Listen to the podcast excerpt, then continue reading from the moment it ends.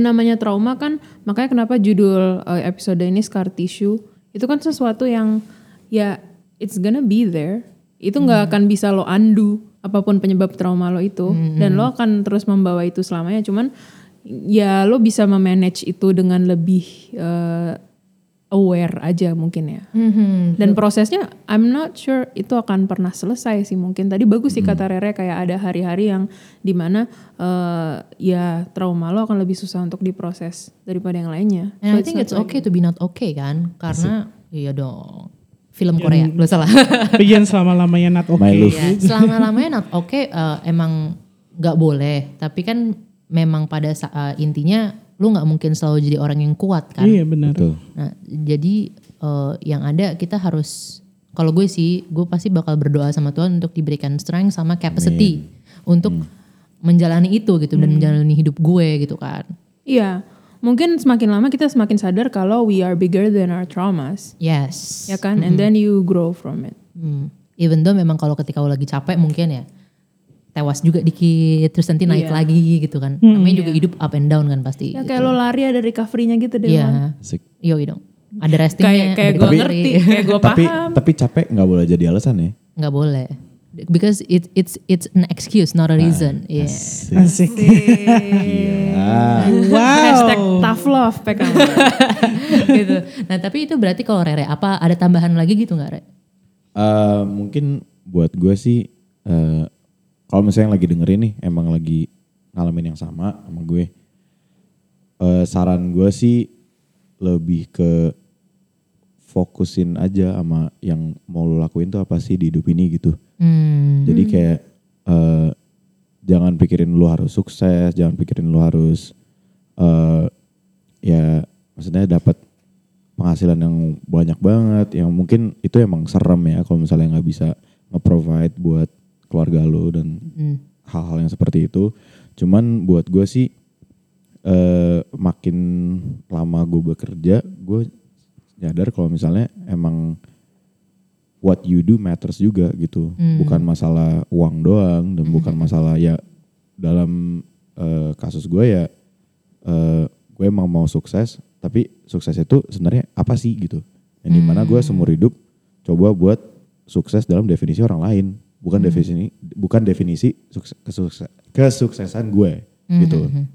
Yang di mana buat gue, gue nggak perlu eh apa namanya dapat uang yang paling banyak gitu sekarang. Makin jauh makin tahu kalau misalnya makin realize gitu. Kalau misalnya buat gue itu my happiness tuh bukan dari duit gitu. Hmm, nice.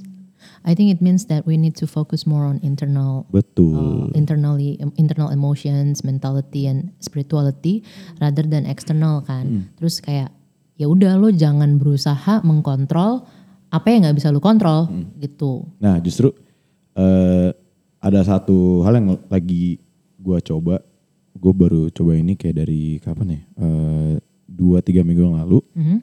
Yang gue dapat dari nonton video di YouTube atau di mana gue aja lupa nontonnya di mana. bukan. Bukan, bukan, bukan, bukan, bukan, bukan, bukan. Walaupun gue emang wibu banget ya. Cuman eh apa namanya? eh gue nggak tahu kalau ada yang ngepost di story-nya siapa atau gue pokoknya gue nggak tahu gue nonton di mana. Tapi di videonya itu eh kayak dia life coach. Terus dia ngomong gitu. Kalau misalnya emang eh kita susah banget gitu buat kontrol emosi kita gitu. Kalau suka bete gini-gini apalagi ya itu tentang orang lain, tentang hidup kita, adalah BT-nya gitu. Dia tuh dia bilangnya kita ngeset timer 5 menit dan dalam 5 menit itu kita bisa marah-marah, bisa sebete apa, bisa ngebanting apa, yang penting nggak sampai ya bunuh diri lah apa gitu. Pokoknya eh, lu mau semarah apa juga silakan, mau sebacot apa juga ya udah. Tapi habis 5 menit itu udah selesai, ya udah there's nothing you can do about it. Lu nggak ada kontrolnya juga, lu nggak bisa kontrol juga situasinya. Soalnya emang udah terjadi gitu. Jadi yaudah, you move on. Langsung badai. gitu. Jadi PK Moners tiba-tiba ada badai. Jadi kita langsung ngeliatin keluar. Mungkin Itu- badai, badai itu- ini hanya lima menit. Itu Makanya eh, lima menit. Contohnya lima menit. ini maksudnya Wow. Contoh kemarahan lah. Enggak, Tuhan setuju sama gue. Gitu. Oke, Pastor Rere. Oke, Pastor. Oke, Pastor. Gak, gak bercanda. Preach. Tapi that's a really good uh, advice Iya, loh sebenarnya. iya, Jadi iya. kayak Itu lo timerin aja. very practical, Uh, iya. Karena lo emang butuh mengeluarkan emosi Iya. gitu. Nah kayak my hope itu gue maunya kayak sekarang kan gue ngeset 5 menit nih. Mm-mm. Tapi kan ya real life situation lu kalau misalnya tiba-tiba emang lagi bete terus ada orang kan nggak mungkin lu set timer depan orang 5 menit terus langsung bete gitu kan. ya kan? Jadi Iya, eh, ya gue maunya sih dari gua latih dari 5 menit makin lama gua kurangin tuh waktunya, makin lama dikurangin lagi, kurangin lagi biar nanti bakal jadi lebih natural. Soalnya kan biar lebih konsisten lah ya.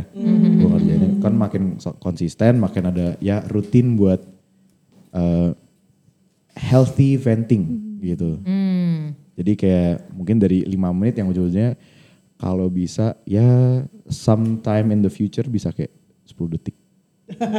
Yoi. Ya Itu kan? Dengan Iya, 10 iya. detik itu bisa yang kayak kita lagi ngobrol depan muka, lu bikin gue bete, cuman kayak gue take 10 seconds di otak gue doang, kayak gue mikir sendiri, "Ini apaan sih nih orang, terus udah move on. Gitu. Jangan sampai dalam lima menit itu lo membuat orang lain trauma ya. Iya, Iya, iya, benar, benar, betul, benar, benar. Betul. Kayaknya lu pengalaman banget nih. Oke, nah itu kan kalau dari Rere ya. Kalau dari Gaps gimana? kalau dari how, how I see myself ya. Ya. Tadi Iya. udah, uh, dari tro dari jadi ada dua fase nih, ada fase. Jadi sebelum gue akhirnya Hmm, kan tadi gue cerita ya, gue melatih diri gue untuk like forgiving everyone uh, in every day gitu loh. Mm-mm. Nah itu tuh uh, sebelum itu gue melihat diri gue tuh kayak gue nggak pernah melihat diri gue itu bagus dalam hal apa pun gitu ya. Jadi uh, bahkan dalam yang gue expert banget gitu ya, gue nggak pernah melihat atau menilai diri gue bagus. Tapi orang-orang sekitar gue itu malah bilang kayak, Caps itu musik kayak gini tuh nggak pernah ada di ta- di tahun itu ya, nggak pernah ada dan and you just made it gitu dan bla bla. Tapi gue nggak pernah bisa puas gitu loh dengan apa yang gue achieve dan bahkan gue bahkan sometimes lucunya gue lupa gue pernah bikin itu. Kayak it's not me gitu loh. Hah masa itu gue? Padahal itu gue gitu yang bikin gitu kan. Hmm. Dan masa sih sebagus itu masa sih gitu. Jadi gue ngelihat apa yang gue lakukan itu cuman kayak eh iya iya iya. Wow, wow, wow. Nggak setuju kan Badai, iya ketawa. badainya, badainya ini ya. Bapak gue gak setuju. kan cerita. Nah, gitu. Apa? Oke. Eh, jadi sepanjang itu gue nggak pernah bisa appreciate diri gue sama sekali. Bahkan it it's jadi apa kayak gue ngelihat badan gue sendiri gitu, gue nggak bisa appreciate sama sekali gitu. Eh, sampai akhirnya gue practice the forgiveness itu, gue baru kali itu gue bisa kayak, eh oh ternyata gue bagus juga ya gitu. Gitu loh.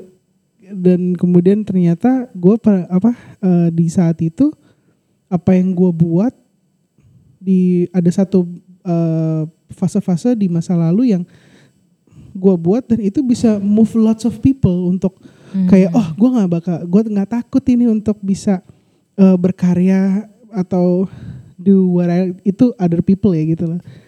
Nah eh, terus eh kalau sampai sekarang hal itu masih ada juga tapi gue lebih kayak apa ya lebih kalau di prinsip gue tuh kayak gini kalau eh, itu lebih gue anggap kayak duri dalam daging gue lah gitu Hmm. da, da- duri dalam daging yang eh, gua nggak mungkin nggak nggak bisa lepas benar-benar like totally lepas tapi gue bisa membuat itu as a trigger buat gua move forward Hmm. gitu so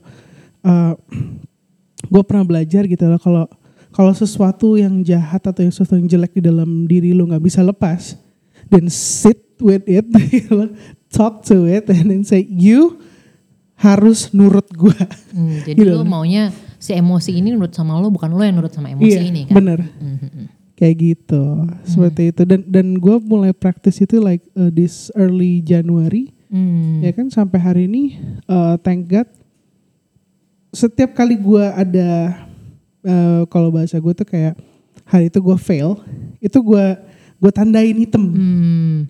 gitu.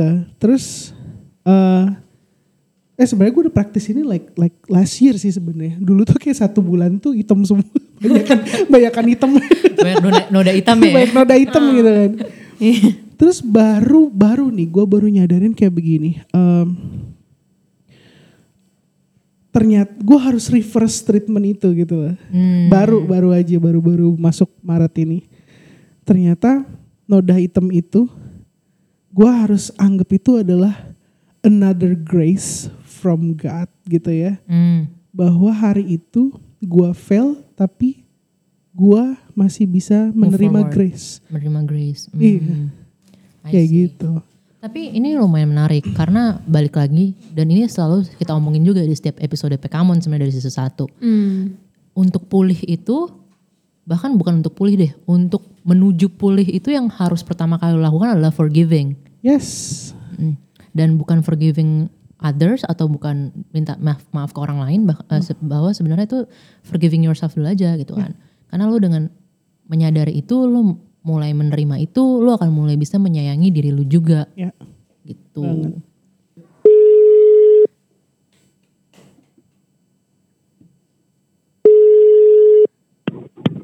Hai Kak Vero. Halo Kak Vero. Kita ketemu lagi nih. Apa kabar? baik, baik, baik. Tapi hari ini beda nih podcasternya. Monica bukan sama PK ya kak? Iya, saya KW-nya PK. Walaupun lahir dulu. Ya, kita hari ini Oke, Monstar kak namanya, bukan PK Mon. Betul. gue agak takut loh Mon. Takutnya Oke. PK pernah cerita tentang trauma-trauma yang gue sebabkan ke dia, ke Civero gitu. Itu biarlah Civero dan PK yang tahu. Aduh.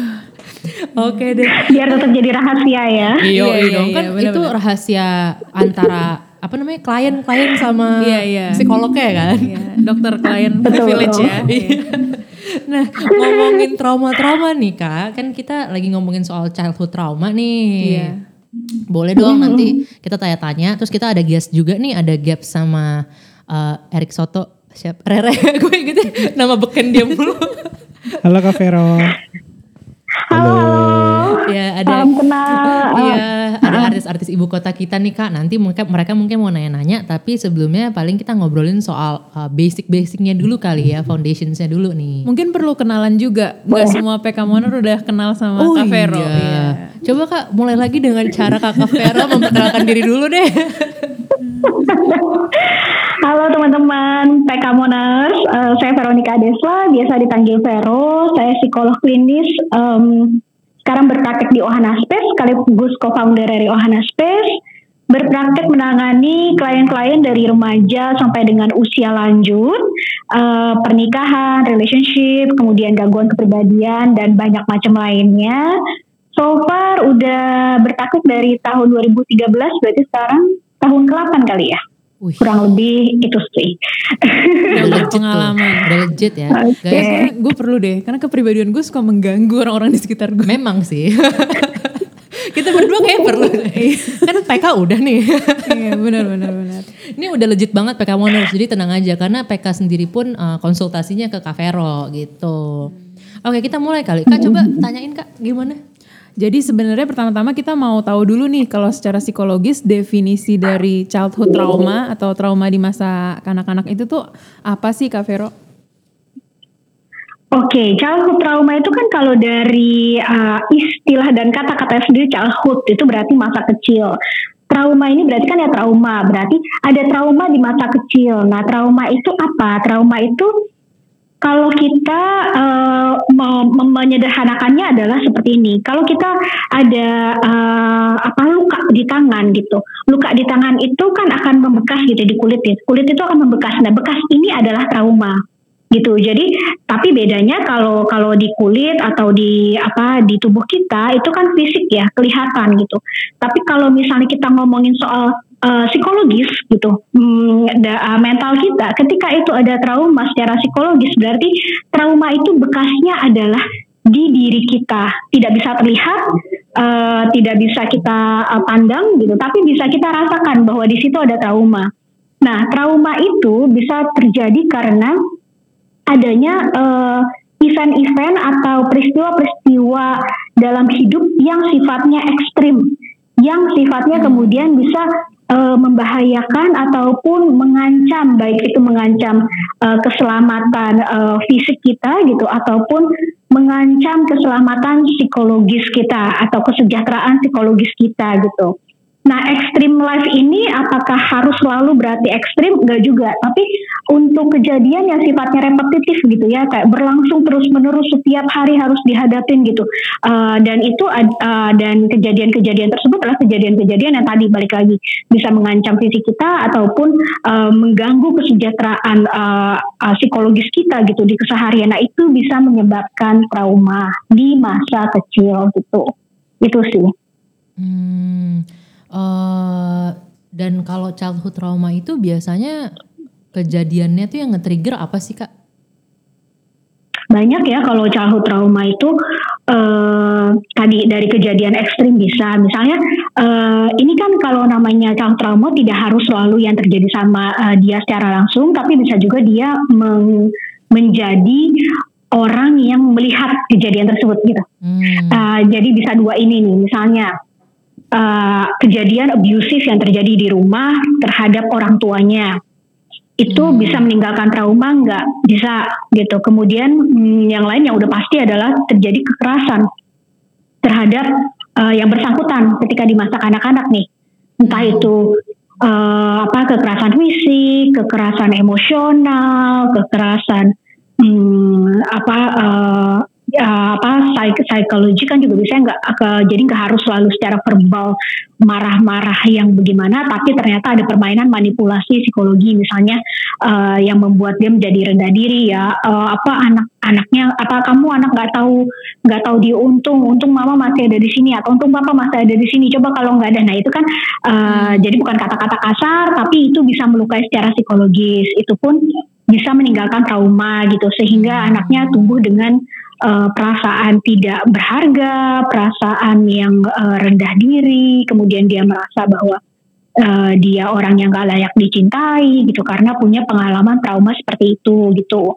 Um, jadi uh, cukup cukup luas sih. Atau uh, kalau misalnya nggak nggak kekerasan seperti itu diignore juga kayak di abandon gitu ya, nggak dipeduliin, nggak diurus, nggak dirawat gitu ya. Jadi uh, orang tuanya nggak pernah ada ketika dia sakit misalnya yang nganterin bukan orang tua yang nganterin justru tetangga sebelah gitu atau yang nganterin justru yang sibuk yang sibuk uh, ngerawat adalah temen gitu uh, orang tuanya nggak ada di sana itu pun bisa menjadi trauma gitu hmm. itu sih okay.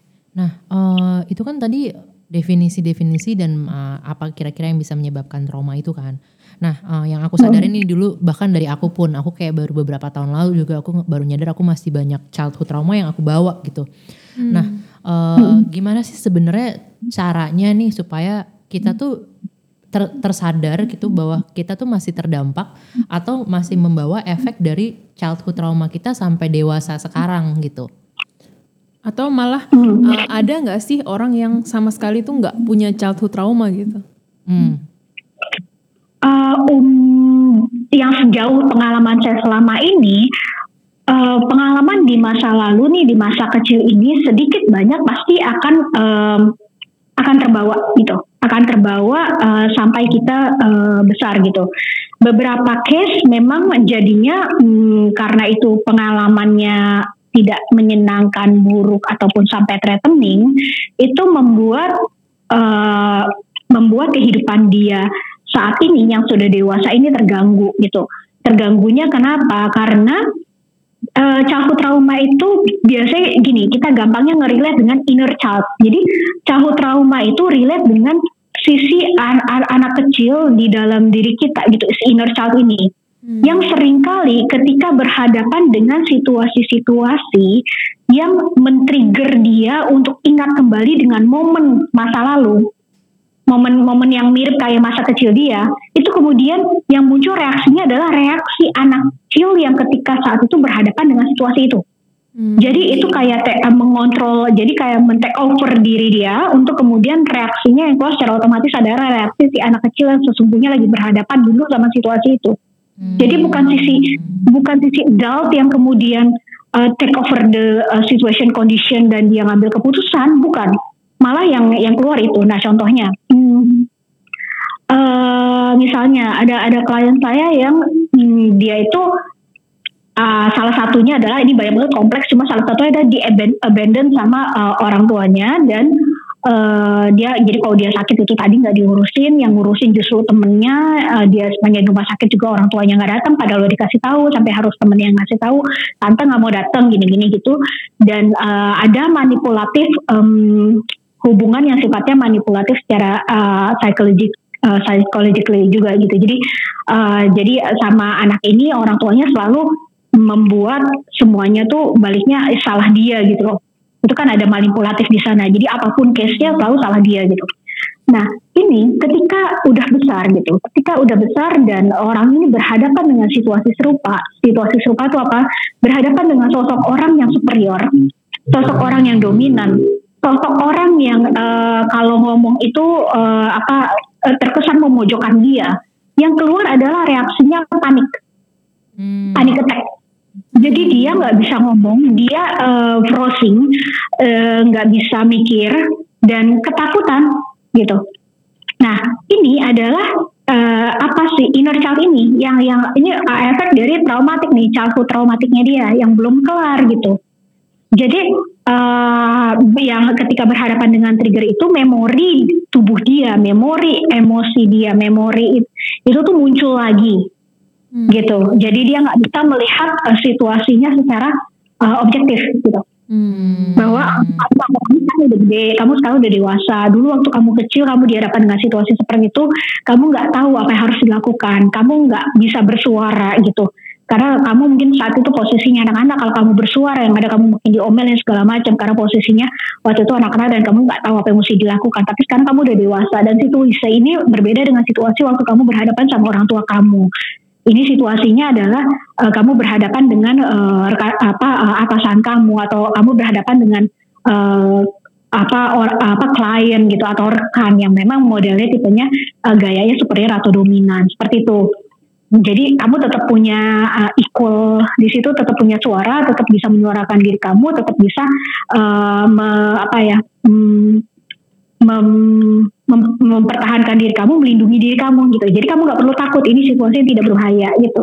Hmm. Nah itu nggak keluar kalau misalnya masih masih apa traumatik childhood traumatik ini masih uh, belum terselesaikan gitu. Yang take over adalah si inner child ini itu iya. nggak yeah. nggak bisa mikir begitu. Pada saat itu tuh pasti snap gitu loh kayak wah ke blocking gitu. Itu sih. Hmm. Itu salah satu contoh. Hmm. Menarik ya.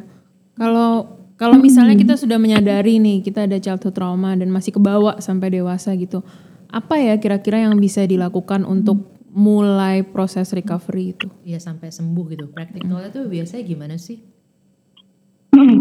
Nah biasanya uh, saya selalu ngajak klien-klien untuk uh, yuk kita uh, selesaikan dulu unfinished business di masa lalu dengan kejadian tersebut mau nggak mau saya ajak ajak klien saya untuk nge-recall balik masa itu uh, uh, lebih enak kalau mereka melakukan sendiri prosesnya berarti uh, melakukan journaling gitu ya ditulis sedetail mungkin selengkap mungkin tentang pengalaman-pengalaman uh, di masa kecil ini yang uh, begitu membekas dan menyakitkan gitu hmm. dituangin semuanya itu langkah pertama gitu. Setelah menuangkan semuanya, mengingat kembali.